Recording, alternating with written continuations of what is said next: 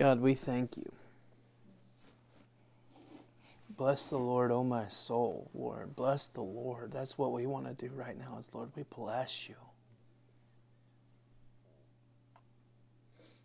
Lord, that we can we can gather and we can encourage one another and motivate one another and loving good deeds. But Lord, we can do that in your throne room, God. Thank you for that, God. Lord, give us faith that heaven on earth, here as in heaven, God, that the, your supremacy, your authority, your Lord, your kingship, your kingdom. That miracles can happen in this place, God, that the impossible can take place, Lord. Lord, give us faith in those realms and in those ways. In Jesus' name, amen.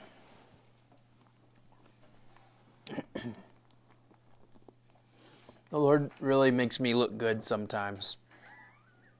Because um, Jason is doing a couple of songs out in Bartlett, and I've asked him to share what songs he's doing so that I can pick them on YouTube. And he's doing one that's like, uh, it's like nothing but gospel choirs singing on YouTube. So I was like, oh, we won't do that one. That one might be a little weird to YouTube or whatever. So I picked the first song, but then they're doing "Here as in Heaven," and it's like, if there's an inner, I don't write introductions. like if there's an introduction to the message, it's basically what that that the Lord would just line up so well. Um, if you have your Bibles, you can turn to Numbers chapter 20. And we're, we're going to be reading this over the next couple of days in our reading. This morning we read, and we talked about it a good bit with some guys this morning, um, the destruction of Korah. And there's a lot there. Um, but lots of different things take place in the chapters that we read this morning. Ultimately, they rebel against God's calling, not just against God's man. And then, because of that rebellion, God consumes a group, a group of people and then starts a plague. And I, I really wanted to teach this, but the Lord had something different. The plague concept, the, the, the plague idea continues for, uh, I don't remember how long it was. I think it's four years, something like that but it's a long time until we get to Numbers chapter 25 and we meet a kid named Phineas. And Phineas rises up from the midst of the congregation, obeys God instantly by killing somebody, which is a little weird. And the Bible says, because of the zeal of Phineas, he was jealous with my jealousy, the plague stopped. And that's the reason why we named Finley Finley, is because of Phineas. We, we've always loved that Numbers chapter 25. The Bible says that everyone else was in the mode of worship. God had given a command, but only Phineas operated in obedience. Everybody else just considered, I'm going to keep doing church. And only Phineas was being the church by operating in it. So, in the middle of that is this Numbers chapter 20.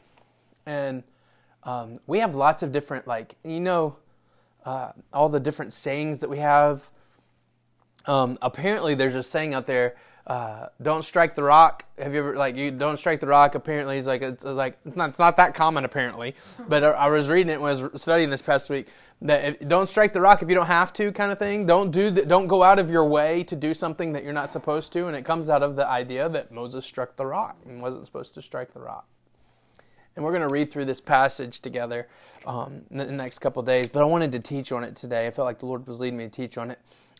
Um, but before I jump in, I want to ask you a couple questions. And please, y'all, we're in smaller setting. Please, let's dialogue, okay? So these aren't necessarily rhetorical, um, but if you think about the different journeys, and by journeys I mean those tough seasons that God sends us on, if you think about those those seasons, they're always dramatic, aren't they? Like it's always drama. Um, before we had kids, I, uh, had my assistant in Mississippi. Well, before we had girls, I had Matt. We had Max, but my assistant in Mississippi. We found out we're gonna have Ella, and I said, "It's cool. I'm good with having a girl, but I will not have drama." And she laughed at me. She had she had one girl yeah, yeah, yeah, yeah. She's she's not the drama that we have now. Finley Finley is the zealous warrior Phineas. Uh, yeah, yeah.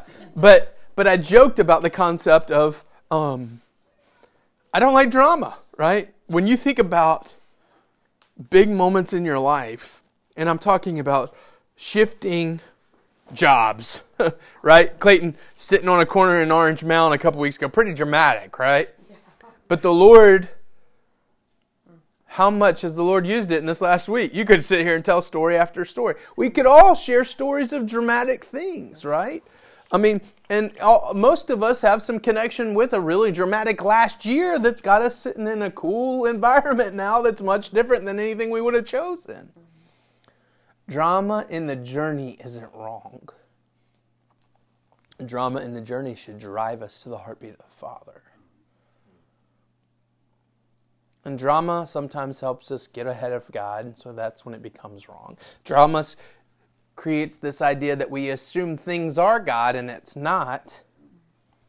But the Bible goes out of its way. I love these two words and how they're tied together test and taste. Taste and see if the Lord's good. And the Bible says for to test the spirits. We were talking about that with some guys this morning. Sometimes I get a weird vibe around people, and I'm like grabbing my daughter's hand a little tighter, right? And we were talking about somebody this past week, and Ann said, "I think I know that name," and uh, and she said it to me. and She goes, "Pretty sure it was some weird guy you told me to unfriend on Facebook." And it wasn't, and then she pulled it up, and I was like, "Oh yeah, I don't know who that guy is, but never be friends with him on Facebook." It was this weird vibe that I'd gotten. I don't know if it's Holy Spirit or me just being weird, right? There's creepy people out there, right? But but this idea of um, we're supposed to test the spirits, we're supposed to taste things. We probably I don't know of anybody that says they do that enough, right? We don't do that enough. We instinctively react. Impossible things happen in God's presence. And when impossible things quit happening, we're probably outside of God's presence. I love on Sunday mornings, sometimes God gives me moments. I, I, feel like it's a Holy Spirit thing where just God reveals like all of y'all's different stories and how, how in the world have all these people ended up in our home and stuff, you know, all of those different types of things. And it's impossible, right? It's impossible. But inside the presence of the Lord, impossible things happen. Um, I'm being recorded, so I'll be careful here.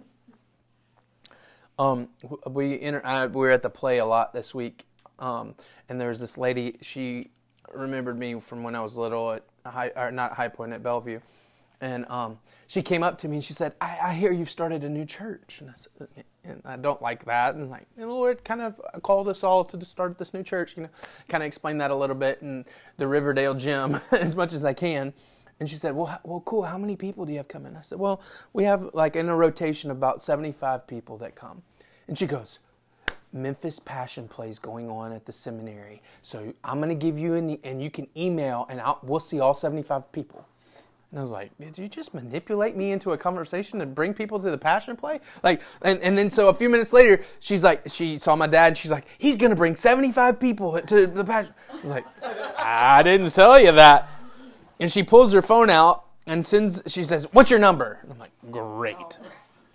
And so literally I'm saying, Lord, this is one for you. And so I gave gave her my phone number. And yeah, yeah, yeah. I had a friend, his name was Tyler Newberry. Both of our parents were pastors. And whenever we would get in situations like this, we would always give the other name and phone number, right? Like, so I'm thinking, okay, I don't know what Tyler's number is. It's been a long time. So I, I, there's this idea that she wants me to invite. And I got to thinking, don't you want those 75 seats to be non believers? Why do you want church people? And when we get jaded, not, I don't know where, what's, what, I don't even know if she goes my dad's church or Bellevue or where she goes to church. I don't know. But when we get jaded outside of the impossible things happen, we just kind of settle for mundane, don't we? And in Numbers chapter 20, You have to kind of read into it a little bit, but it's there. Verse 1. When the people of Israel, the whole congregation, came to the wilderness of Zin, I love this. It's also later called the wilderness of sin, but it doesn't mean anything like it's pronounced differently in Hebrew and the word means something different, but it's the wilderness of sin. In the first month, the people stayed in Kadesh. Kadesh means set apart or holy. And Miriam died there and was buried there. Remember, Miriam had risen up against Moses, and God said, You're not going to come into the promised land. She was leprous. Verse 2 Now there was no water for the congregation, and they assembled themselves together against Moses and Aaron, and against Aaron. And the people quarreled with Moses and said, would, he, would that we had perished when your brothers had perished before the Lord, when our brothers perished before the Lord? Why have you brought us the brought the assembly of the Lord into the this wilderness, that we should die here, both we and our cattle? And why have you made us come up out of Egypt to bring us to this evil place? It is no place for grain or figs or vines or pomegranates, and there is no water to drink.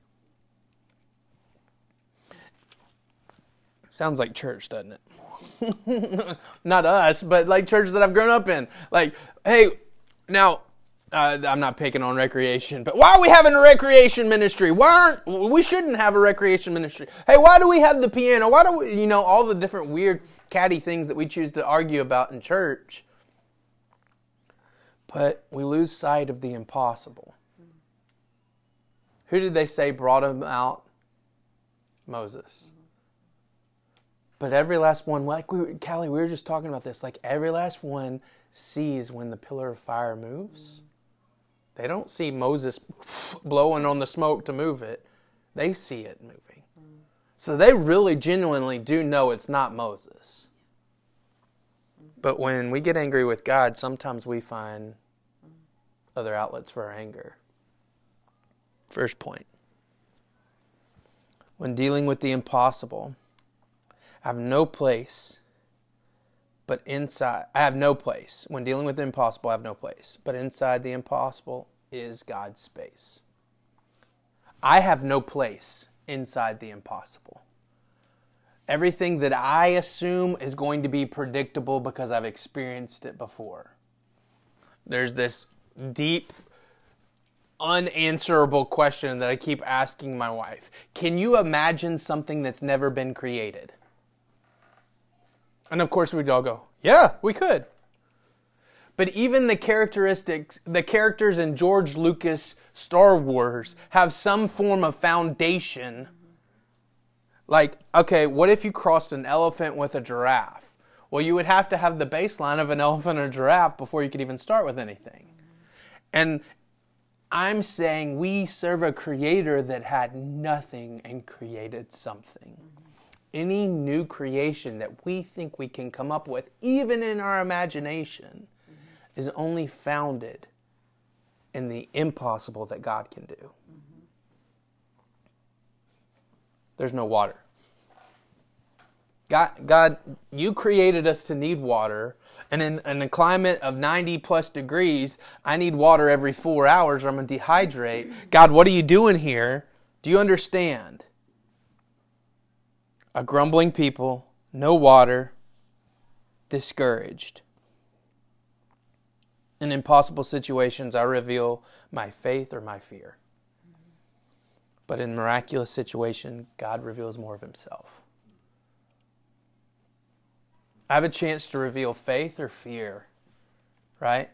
I revealed fear calling my wife and David on the way home from Germantown City Council the other day, right? Like, they're saying they're going to shut us down. And I needed Bill Clinton, out of all people, to, to show me a law that says, hey, no, they can't shut you down.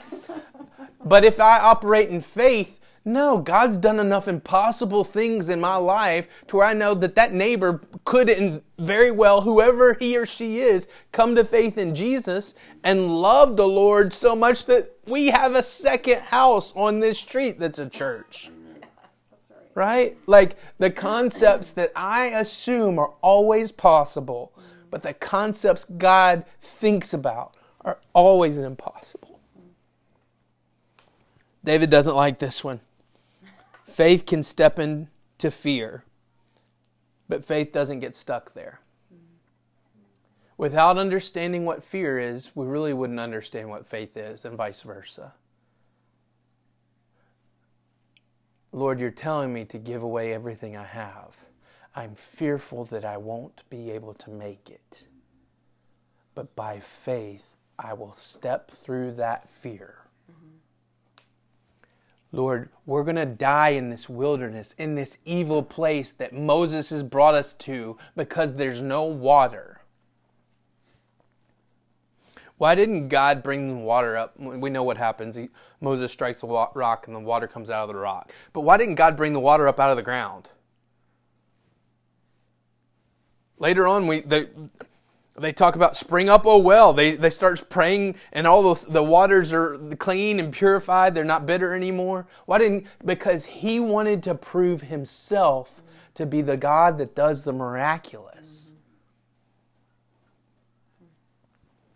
our flesh tells us to stop and sit with fear for a while. We'll die without water. The one leading us is an idiot. Well, I've already told you that one, right? Watch this. The Bible says they assembled together against. But what happened if they had assembled together for?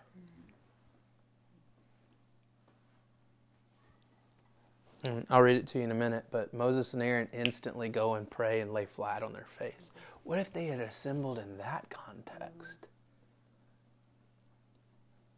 God's raining Coca Cola down, right? Like he, like whatever it is at that moment, the best wine they could think of is raining from the heavens at that point. Because when we seek God first instead of fear, that's faith, and in that faith, God does the impossible.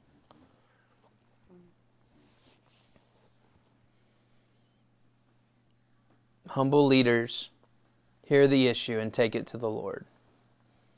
Humble leaders hear the Lord and take him to the issue. Watch what happens. Verse 6. Then Moses and Aaron argued their case against. Nope, that's not what happened. Then Moses and Aaron called a committee. Nope, that's not what happened. Watch, I love it. Then Moses and Aaron went from the presence of the assembly to the entrance of the tent of the meeting and fell on their faces, and the glory of the Lord appeared to them. And the Lord spoke to Moses, saying, Take the staff and assemble the congregation, you and Aaron your brother, and tell the rock before their eyes to yield its water. So you shall bring water out of the rock for them and give drink to the congregation and their cattle. And Moses took the staff from before the Lord as he commanded him.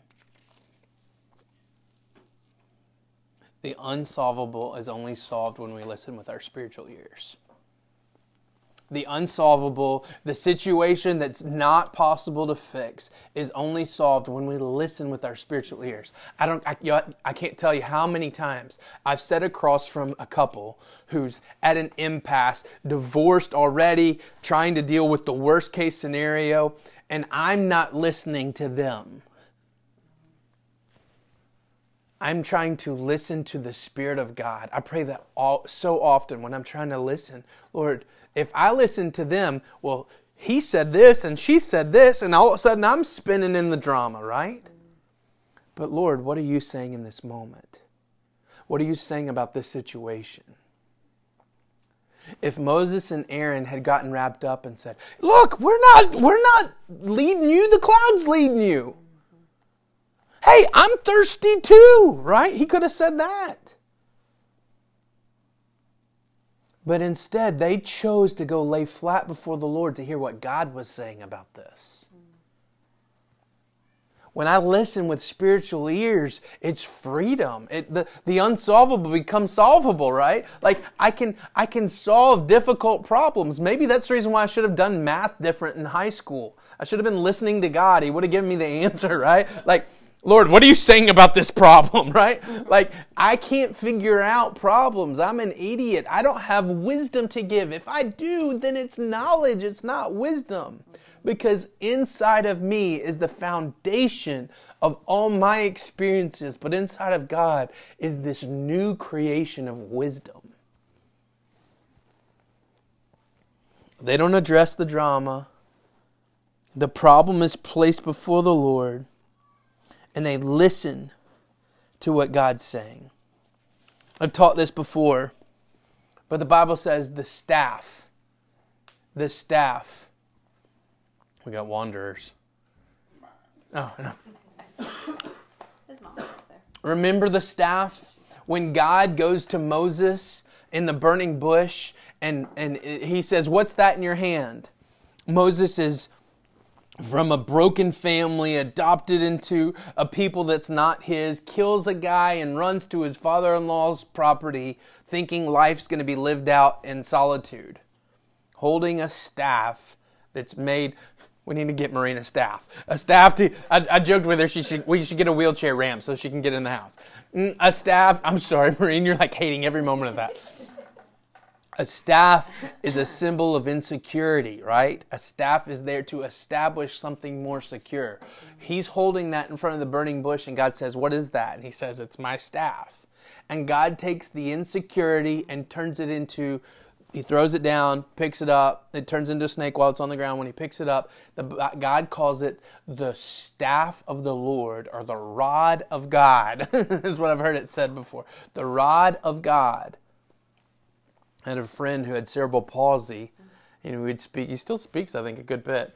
Um, and he, he didn't like saying the word staff because sometimes it would come out differently, and he was a little worried that he might say something different. So he always called it the rod of God. And yeah, and so it was this big elaborate thing of him calling it the rod of but but God took the insecurity because of the promise of I will be with you and turn it into an area of authority. So he uses that staff. Hey, God, we're thirsty. They're rising up against us. What are we doing here? And God says, Take the staff.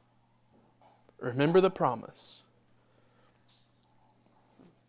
When problems arise and I take them to the Lord, He always starts by reminding me He's with me. Go look at it. Angel shows up, what happens? Don't be afraid, I'm with you. Don't be afraid. I'm, the, the, the comfort of God's presence is the foundation of confidence. The staff once before was his staff but now it's called the staff. His staff was one of insecurity. The staff is a reminder of God's promise and presence. But then, verse 10. Then Moses and Aaron gathered the assembly. They, there's lots of times Scripture. Uh, we were reading something the other day, and it was like, and immediately, and immediately, and I was like, what's, what, why are you saying and immediately? So I never got it. I understood, didn't understand what it was. But they gathered the assembly so much here. Watch. Prior to Moses and Aaron falling on their face, they were gathered in anger. And God says, Gather the assembly. And they're like, Well, God, they're already gathered. And He goes, No, I'm talking about a different kind of context. Sometimes how we gather is it, it dictates what God's going to do. Then Moses and Aaron gathered the assembly for one specific purpose to see God do something. They gathered assembly together before the rock, and he said to them, Look real close at what he says. Hear now, you rebels. Shall we bring water for you out of this rock? And Moses lifted up his hand and struck the rock with his staff twice and the water came out abundantly, and the congregation drank and their livestock. And the Lord said to Moses and Aaron, Because you did not believe in me and hold me uphold me as holy in the eyes of the people of Israel. Therefore, I shall not bring you, bring this assembly into the land that I have given them. These were the waters of Meribah, where the people of Israel quarreled with the Lord, and though he showed himself holy. This is the crux of the message here. Abuse of God's gifts alters the promise. When we abuse the gifts of God, He alters the promise. For the first time since the burning bush, the staff is referred to as His staff. Not the staff, but Moses takes His staff. When I start to translate God's gifts as my own, I abuse them. God doesn't leave Moses' side even till his death. So the altered promise isn't a negating of the promise. God doesn't back away from the promise. God's promise to Moses is, I will be with you. And we go and read later on that who buries Moses? The Bible says God buried Moses. He was with him even through the point of burial. But the promised land, Moses does not go into because he abused his gift. So we kind of wonder Lord, is it just that big of a deal? You said, speak it, he hid it. What's the big deal here? And watch, think about it if you're the congregation. You know nothing different. Watch. Moses provided judgment on the rebels when God was just wanting to provide. You rebels. And God said, No, just speak to the rock, not to the people. When we abuse our gifts, we ultimately are providing judgment against one another. When God's saying, Nope, you're supposed to operate in your gift. Speak to the rock, not to the people. When I find myself speaking to you guys, instead of speaking what the Lord has taught me, I'm abusing my gift because you can't tell the difference. They didn't tell the difference. But watch. Based on what God said, what, what God, Moses said on behalf of God to the people, how do they interpret God? God is begrudgingly giving you water. But our God is not a begrudging God. Because of who you are, I'll, in spite of that, give you water. That's not what God wanted to do. He just wanted to provide water. Moses took a upholding upholding God as holy moment and turned him into a different God that he desired to be to the people of Israel. Life without God's grace is where I quarrel, argue, and complain. But listen, but life without realizing God's grace is where I take a thing into my own hands in dramatic judgment. When I don't realize God's grace, I can abuse you with the judgment that I have. Because I don't realize that I am an idiot. No, I'm somebody. What'd you say this morning? Somebody said this morning, hey, you're pretty humble. And I went, yep, I'm the most humble person in the room, right? Like, if I don't realize God's grace, I become an arrogant fool. We say this all the time. Those who forgive understand ultimate forgiveness. And in this moment, Moses provides a judgment that God does not want.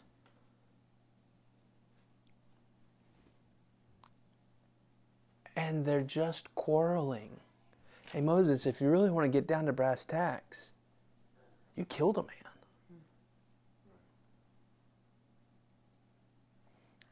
And so to back up, Moses, I was wanting to provide a miraculous thing, and you took the gift and dramatic judgment, struck the rock.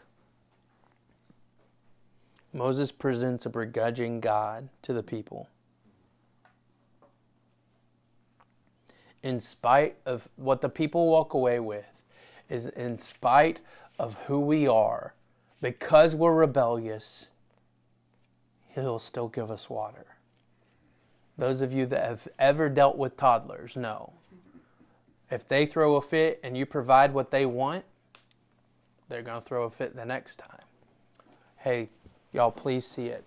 What do we see for the next 40 years? Because of this act, it sets back a nation. Mm. They quarrel, they rise up, and because of that, God, they don't understand that God's willing to give. Moses and Aaron stood in the gap by laying flat on their face, saying, God, please, what should we do here? But then they stood up and went and provided judgment. Sometimes it's so easy for the one that's closest to the Lord to cause the worst abuse. Mm. Please understand and hear that our God did not give Jesus begrudgingly. You are a sinner, and in spite of that, I'm going to kill my son. That's not what he said. While we were yet sinners, he sent his son. The Bible even says it pleased him to crush his son. We don't get that. We don't understand that. But because God had this built up judgment for all the junk that we've ever done, He poured it out one time on His Son and it's been spent. He doesn't have any more judgment to pour out for those who believe in Him. Mm-hmm. He'll pour it out one day for those who don't. But He didn't do that begrudgingly. God didn't back into sacrificing his son. That was his plan. His plan here was to provide, even though there were rebellious people, to provide water from the rock, not judgment in dramatic fashion. For us, I think that's the difference on how we're supposed to live life. And my goodness, when I'm typing this and writing this after interacting with the city council of the city of Germantown, of Lord, I want to be a source of living water for miraculous places, not a place to provide dramatic judgment. So, my concept of, okay, I, uh, have got a good argument, I've got this crazy, weird intuition or uh, institutional law that I can bring if I need to, and I'm, I'm ready to go. And I've even called the people out in San Francisco and said, "Hey, do I go to court? Yeah, you're gonna have to go to court if if this goes that way." But I shared with the guys this morning. Ryan, have you shared the vision of what God's doing in your church? And my first response was, "It's hard enough to explain to my f- friends." What God's doing in our church, much less somebody else who isn't a believer. And I'm going, what am I thinking? That is the thing. Nope, I messed that one up. Because God desires the miraculous rock giving forth water to be the thing that He provides instead of a dramatic judgment. I love this. The Lord just gave this to me. Upon this rock, on, upon this Petras, this Peter, I'll build my church. What's the juxtapose that we see in Peter? He's the life giving water forth out of the rock or the dramatic judgment, right? We fall into dramatic judgment way too easily. And I think as we close here, I'm going to pray that, Lord, let us not be people that act begrudgingly because that's not who our Father is. Let's pray. God, you give Jesus. And the heartbeat of you is to give your Son while we're in the midst of our sin. And so, Lord, I pray that we would be people that live in the miraculous. Lord, understanding that you're the God that brings water out of rocks and we don't have anything to do with it. And Lord, that we would stay away from the dramatic judgment. Lord, that we would hold our gifts in appropriate manners, that when drama presents itself, we'd fall flat on our face to hear what you're saying, God, and that we would believe you're the God of the impossible, Lord. And Lord, I pray for water flowing out of rock moments this week primarily.